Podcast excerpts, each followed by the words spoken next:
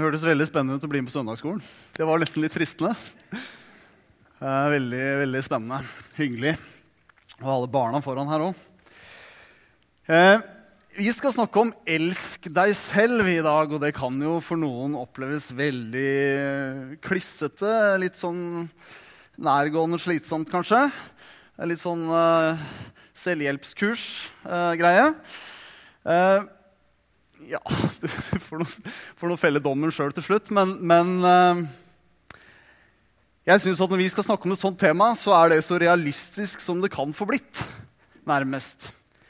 Uh, og i dag så skal vi rett og slett få lov til å, å starte i første Mosebok kapittel 3. Når vi skal snakke om å elske oss sjøl, så begynner vi allerede ved starten. Eh, og vi leser eh, vers 1-13. Slangen var listigere enn alle ville dyr som Herren Gud hadde laget. Den sa til kvinnen, har Gud virkelig sagt at dere ikke skal spise av noe tre i hagen? Kvinnen sa til slangen, vi kan spise av frukten på trærne i hagen, men om frukten på treet som står midt i hagen, har Gud sagt, dere må ikke spise av den og ikke røre ved den, for da skal dere dø. Da sa slangen til kvinnen, dere skal slett ikke dø, men Gud vet at den dagen dere spiser av den, vil øynene deres bli åpnet, og dere vil bli som Gud og kjenne godt og ondt. Nå fikk kvinnen se at treet var godt å spise av og en lyst for øyet, et forlokkende tre, siden det kunne gi innsikt. Så tok hun av frukten og spiste. Hun ga også til mannen sin, som var sammen med henne, og han spiste. Da ble øynene deres åpnet, og de skjønte at de var nakne. De flettet sammen fikenblader og bandt dem om livet. Da hørte de lyden av Herren Gud som vandret omkring i hagen i den svale kveldsbrisen. Og mannen og kvinnen gjemte seg for Herren Gud blant trærne i hagen. Men Herren Gud ropte på mannen og sa, hvor, 'Hvor er du?'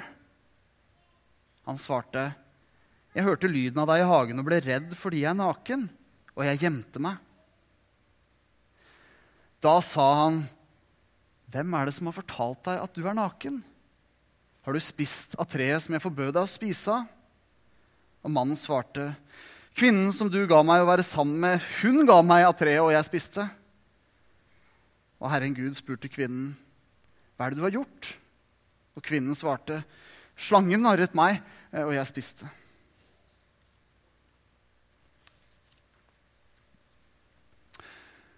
Ondskapen kommer inn i verden.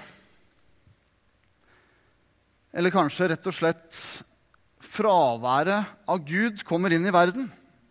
Mennesket skjuler seg for Gud, søker vekk fra Gud, skammer seg. Hvem har fortalt deg at du er naken? Hvem har sagt deg det? Mennesket begynner fra dette øyeblikket å lytte til andre stemmer enn Guds stemme.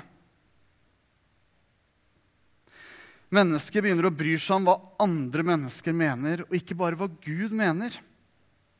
Mennesket lar seg definere av omgivelsene, mennesker rundt seg av seg selv, sin indre stemme kanskje, eller noe sånt, og ikke bare av Gud.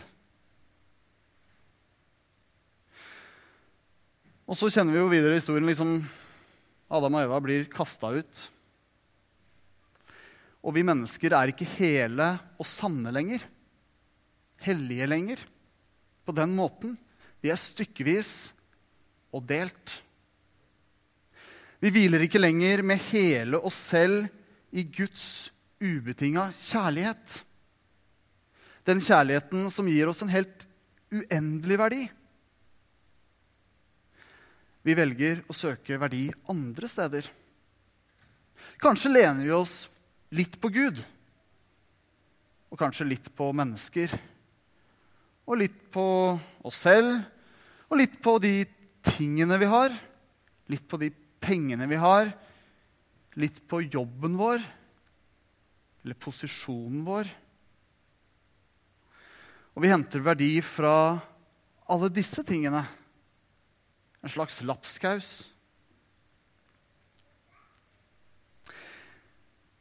Men så skjer det jo noe helt fantastisk, og det vet jo de fleste av oss godt.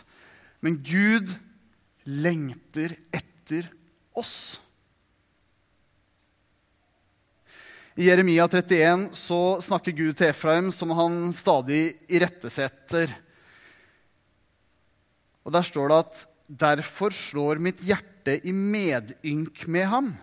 Jeg må forbarme meg over ham. Han irettesetter ham fordi at han elsker ham. Derfor slår mitt hjerte i medynk med ham. Jeg må forbarme meg over ham. På engelsk så står det He yearns for him. Det blir nesten for meg enda sterkere. liksom. Han lengter desperat. I Matteus 23 så leser vi at han vil samle oss under vingene sine som en høne gjør med sine kyllinger. I Lukas 22 så leser vi at Jesus sier til disiplene at 'jeg har lengtet inderlig etter å spise dette måltidet med dere'. Gud lengter. Lengter etter å tilfredsstille menneskets grunnleggende behov. Ubetinga kjærlighet, betydningsfullhet. Ubetinga kjærlighet, betydningsfullhet. Betydningsfullhet, hva er det for noe? Jo, vi kan jo gå på YouTube, gå på sosiale medier. Hvilke desperate forsøk, mer eller mindre kanskje desperate, noen litt morsomme òg, eh, forsøk på å vise 'her er jeg'. Jeg er betydningsfull. Se hva jeg kan.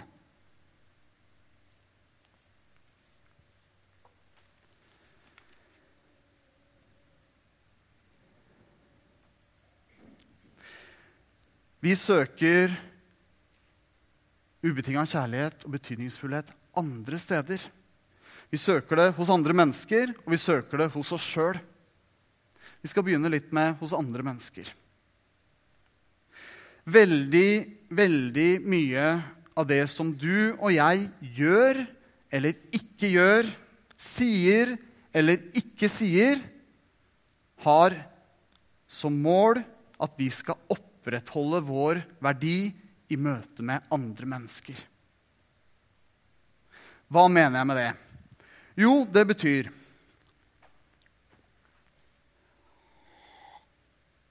Så jeg tar meg sjøl som eksempel.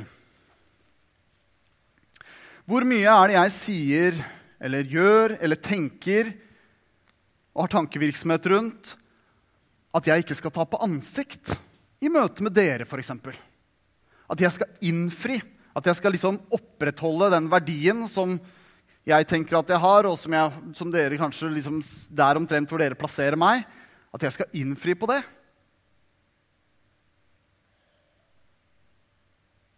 Og hvis jeg skulle få en mulighet, altså opprettholde verdi er nummer én Hvis jeg skulle få en mulighet til å øke den verdien, gjøre et eller annet, prestere et eller annet, gjøre et eller annet inntrykk som gjør at Oi, han var bra, men han var faktisk enda bedre.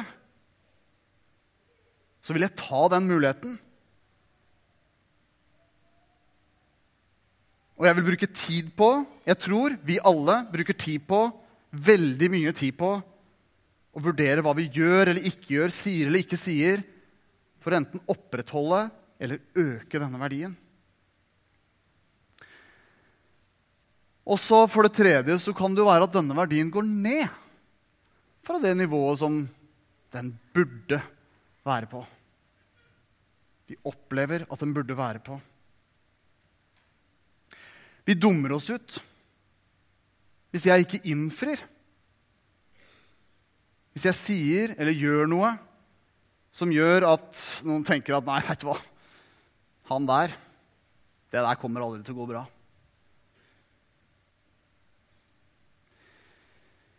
Vi bruker da tid på å behandle Altså, det, det er jo vondt. Det er jo vondt å tape ansikt. Og vi mennesker får et behov for å behandle den smerten på et eller annet vis. Smerten som følge av tolket verdiforringelse. Tolket er jo viktig, for det er jo ikke sånn at det er noen reell verdiforringelse her. Gud har jo satt verdien på oss. En uendelig verdi. Men vi tolker at det er en verdiforringelse. Og vi har behov for å behandle den smerten som det medfører. Hvordan behandler vi den smerten? Ved å søke bekreftelser enda andre steder igjen? Kanskje. Kanskje gjør vi det på litt forskjellig vis. Og hvordan går det da med egenverdien vår, opplevelsen av hvilken verdi vi har, når vi bygger den på relasjonene våre, prestasjonene våre? Da går det jo litt opp og ned. Og det går litt Ja. ja. Jo, det går litt opp og ned. Jeg skulle finne et annet begrep der, men det forsvant. Vi har alle degraderende opplevelser. Opplevelser av avvisning. Opplevelser av å føle oss dumme eller lite verdt. Og så går vi kanskje rundt og lagrer alt verden forteller oss. Og så kan det være litt forskjellig hvordan vi liksom greier å angripe det, men en god del av oss vil nok stort sett lagre mer av det som verden forteller oss er negativt, enn det som er positivt. Vi husker de gangene vi har blitt degradert.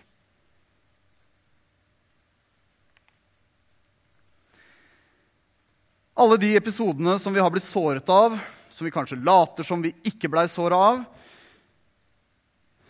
de påvirker opplevelsen av hvilken verdi vi har. Og de er med på å definere hvem vi er. Hvem vi er som mennesker. Hva vi er verdt. Og disse flaueste tinga de vil vi jo helst kanskje gjerne skjule. Det er det letteste. Prøve å late som det ikke er der. Det er det letteste og det farligste. Fordi det kan jo hende jeg gjør noe som faktisk er skikkelig dumt, og som jeg ikke burde gjort. Det kan jo hende at jeg faktisk til og med gjør med jevne mellomrom. Eh, men så er det jo en veldig stor forskjell på at jeg tar skylda for det. Det jeg gjorde, det som var dumt. Eller om jeg tenker at jeg er dum fordi jeg gjorde det. Altså, det er jo forskjell på om jeg gjør noe som var dårlig, eller om jeg da tenker at jeg er dårlig. At jeg gjør noe som var mislykka, og tar skylda for det. Eller om jeg tenker at jeg er mislykka og bærer det med meg som skam. At jeg er dum, jeg er dårlig, jeg er mislykka.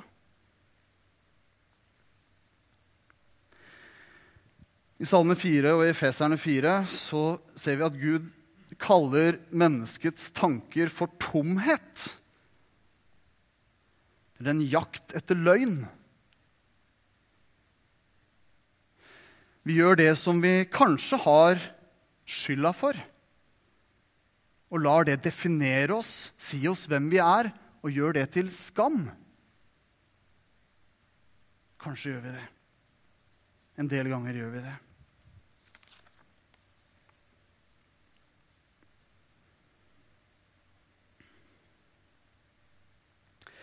Og om vi ikke finner ubetinga kjærlighet eller betydningsfullhet i møte med andre mennesker, så tar vi kanskje med oss alt vi opplever, og så prøver vi å finne det i oss sjøl.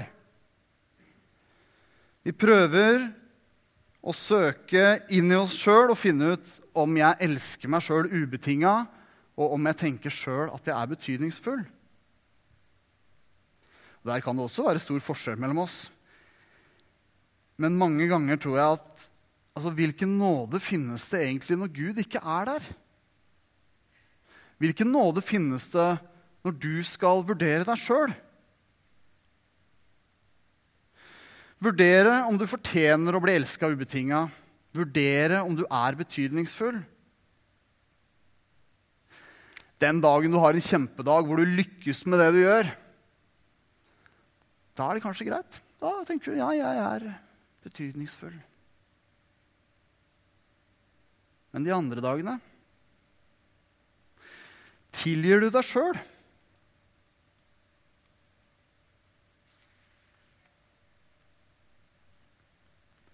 Eller får skammen ta over? Skammen over hva vi sa, hva jeg gjorde. Den jeg såra. Det som jeg sa, men kanskje ikke egentlig mente. Jeg mente det kanskje akkurat da fordi jeg var sint, eller fordi jeg var lei meg. Men sånn etterpå så mente jeg det jo egentlig ikke. Skammen over det som jeg gjorde når jeg egentlig var ordentlig trengt opp i et hjørne og trodde jeg gjorde det rette, men så gjorde jeg ikke det. Skammen over at jeg prioriterte å jobbe beinhardt og være mye på jobb fordi at jeg gjorde det for familien sånn at vi skulle ha nok. Og så var jeg ikke der.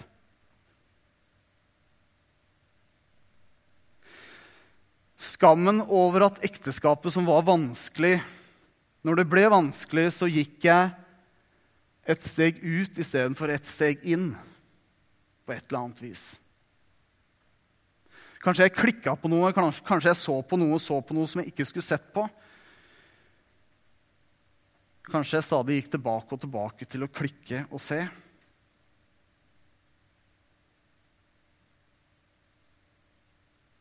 Det er mange muligheter til å la skammen ta overhånd. Til å definere hvem du er.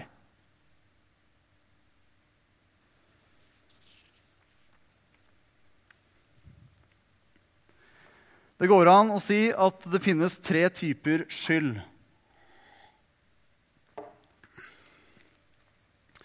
Det finnes nummer én falsk skyld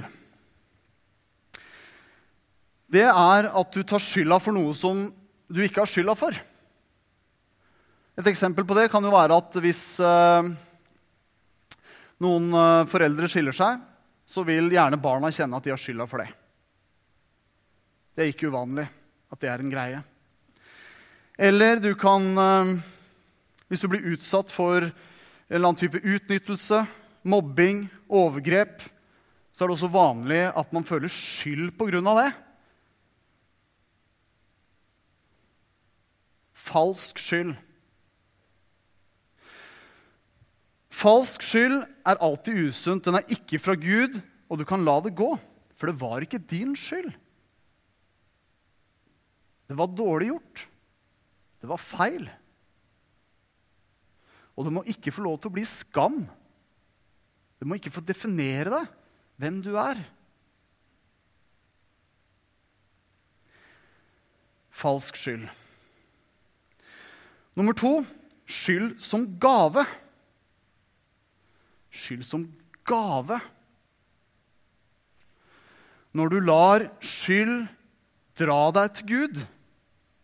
I 2. Korinterbrev 7 så leser vi om en sorg som fører til omvendelse og frelse. Jeg gjorde noe dumt. Det jeg gjorde, var dårlig, det var mislykka. Det var feil. Men jeg vender meg om. Jeg vil endre meg. Jeg vil be om unnskyldning.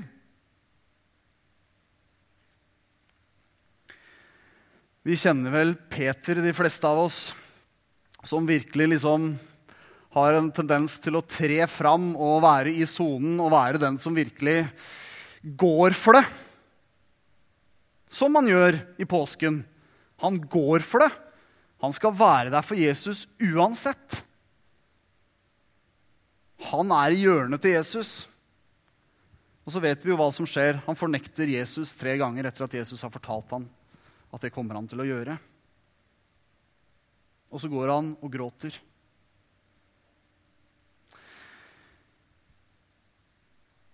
Jeg kan ikke tro det jeg gjorde. Jeg er så dum. Jeg skal aldri gjøre det igjen. Og så gjør man det kanskje igjen. Men likevel, da også. Jeg skal aldri gjøre det igjen. Jeg vender meg om til Gud. Jeg gir meg aldri.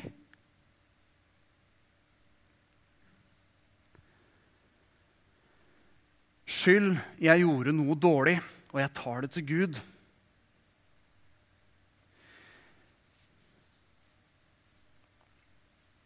Gud bruker min skyld til å dra, dra, meg til Hans nåde.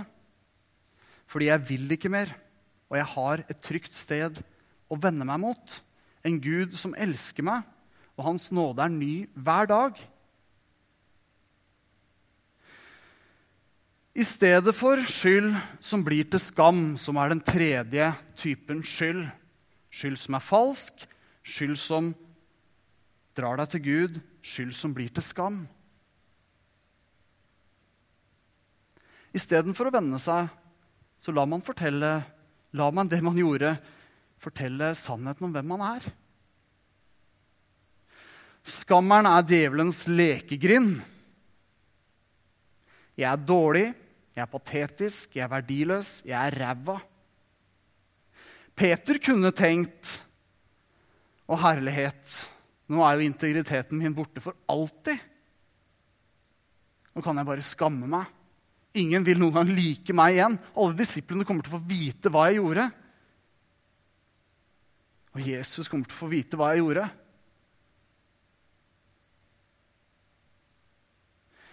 Når du tenker sånn, har djevelen deg akkurat der han vil ha deg. Skammen drar deg bort fra Gud. Lar en annen enn Gud definere hvem du er.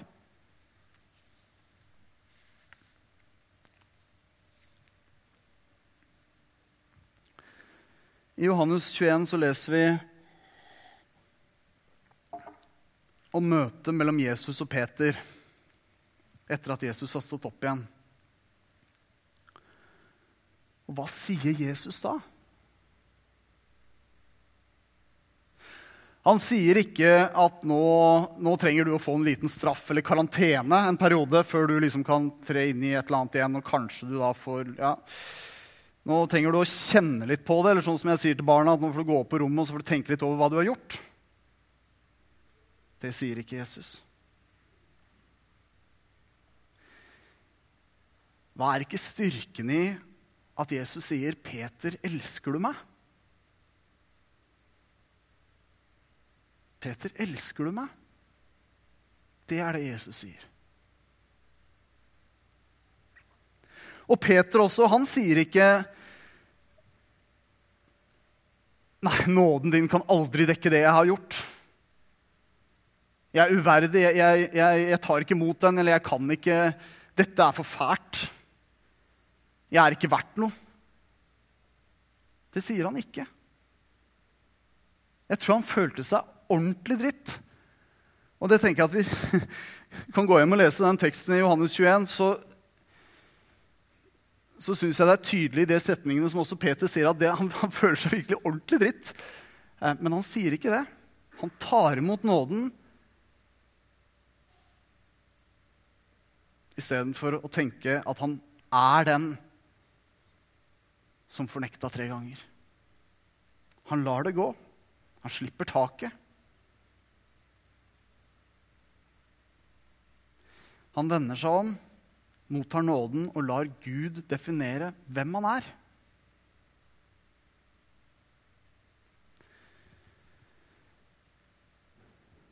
Per Arne Dahl har sagt det du, gjør, det du ikke gjør noe med, det gjør noe med deg.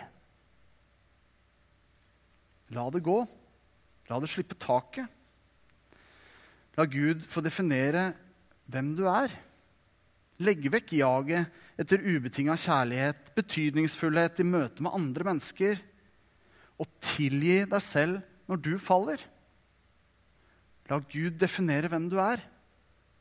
Du som er skapt i Guds bilde, med en uendelig verdi. Som Jesu bror, et lem på hans kropp.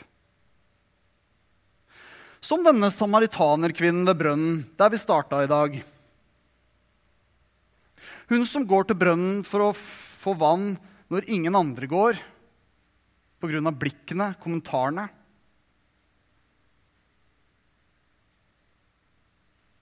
Hun er uverdig, kanskje. Skammen som hun bærer med seg. Så får hun et møte med Jesus som er altså så radikalt at hun løper inn til dem som kanskje har påført henne masse av denne skammen, som har dømt henne, og er begeistra over at hun har møtt en som har fortalt henne alt hun har gjort. Er ikke det akkurat det omtrent det verste som kunne skje?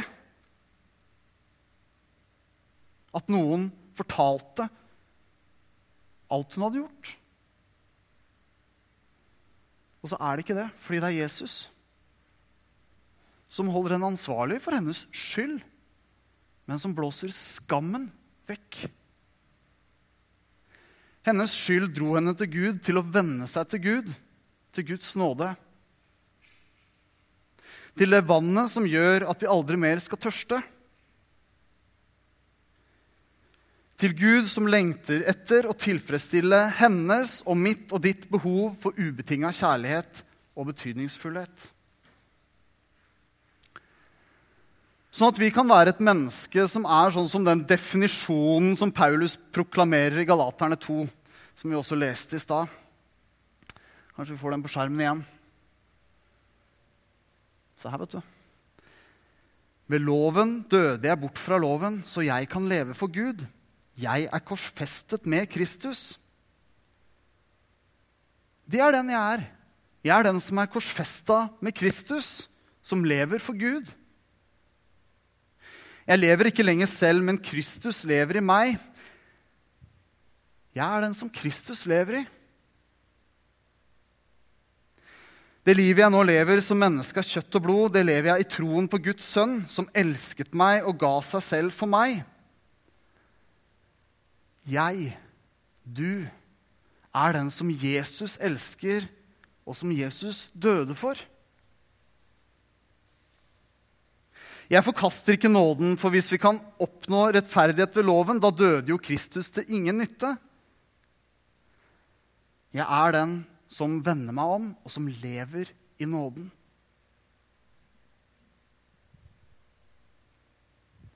Vi ber.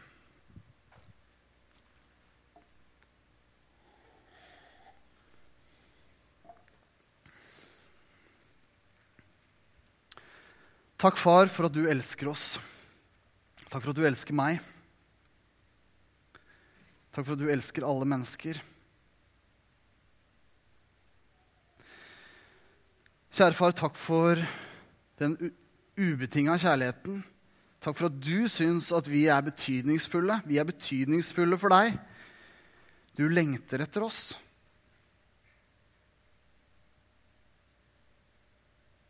Takk for at du definerer oss. Takk for at du forteller oss hvem vi er. Ber om at vi skal få leve i det. Hver eneste dag vende oss om til deg og leve i hvem du definerer at vi er.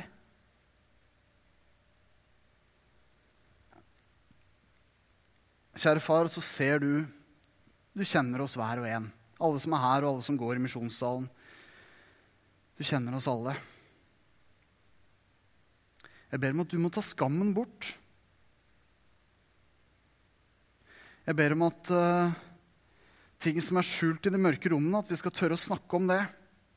Og ikke la det definere oss, ikke bære på det, sånn at det får prege oss og fortelle oss noe annet enn hva du forteller oss om hvem vi er.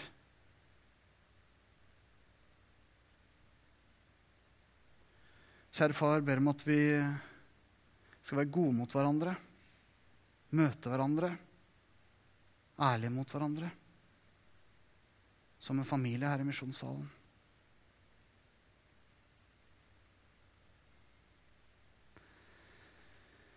Det ber vi om i Jesu navn.